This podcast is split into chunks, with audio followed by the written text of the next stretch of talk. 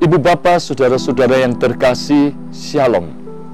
Sapaan rohani hari ini membahas tema tentang Tuhan pergi dari Gilgal ke Bokim.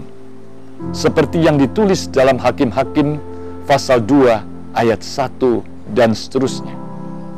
Apa maksudnya Tuhan pergi dari Gilgal ke Bokim? Bapak Ibu, Gilgal adalah tempat yang melambangkan tentang penyertaan Tuhan. Ketika Israel menyeberang sungai Yordan, tempat yang pertama mereka berkemah adalah Gilgal. Tempat itu juga didirikan 12 tiang atau tugu peringatan tentang penyertaan Tuhan yang dibangun oleh Israel mengajarkan pada generasi berikutnya tentang penyertaan Tuhan. Di Gilgal itulah dibangun kemah-kemah besar menjadi markas besar bangsa Israel untuk berperang untuk meremput tanah Kanaan.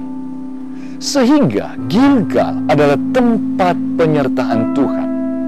Gilgal adalah tempat orang Israel menyatakan menyerahkan dirinya untuk mengikuti Tuhan dengan cara mereka disunat dengan demikian, Gilgal adalah tempat penyertaan Tuhan.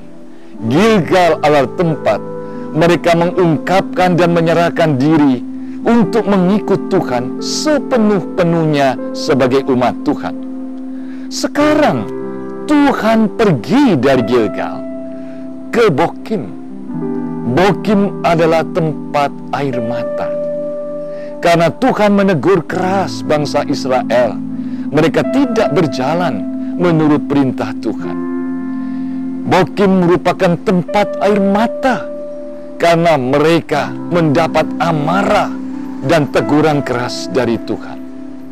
Saudara-saudara di dalam masa pandemik ini, firman Tuhan tidak hanya berbicara tentang supaya kita sabar, supaya kita tetap teguh, supaya kita tetap kita sungguh-sungguh punya pengharapan, tetapi di dalam pandemi COVID-19 ini, Tuhan mengingatkan, jangan sampai Tuhan meninggalkan dan pergi dari Gilgal ke Bokim.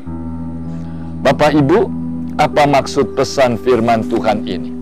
Maksudnya adalah, biarlah kita selalu mengingat dan selalu menyadari bahwa penyertaan Tuhan itu harus disertai dengan komitmen kita tidak berpaling dari Tuhan.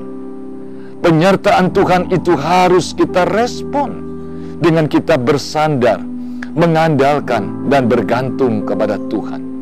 Jangan sampai kita berpaling dari Tuhan, berpaling kepada kekuatan diri sendiri, berpaling kepada kekuatan manusia, berpaling kepada hikmat manusia, berpaling kepada teknologi, berpaling kepada kekuatan uang. Biarlah kita tetap mengarahkan hati kita, sungguh-sungguh menyerahkan diri kita kepada Tuhan Allah yang hidup.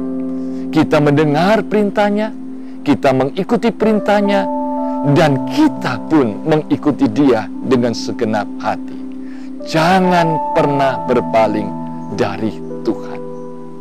Karena Tuhan tidak hanya Tuhan yang menyertai dengan kasihnya.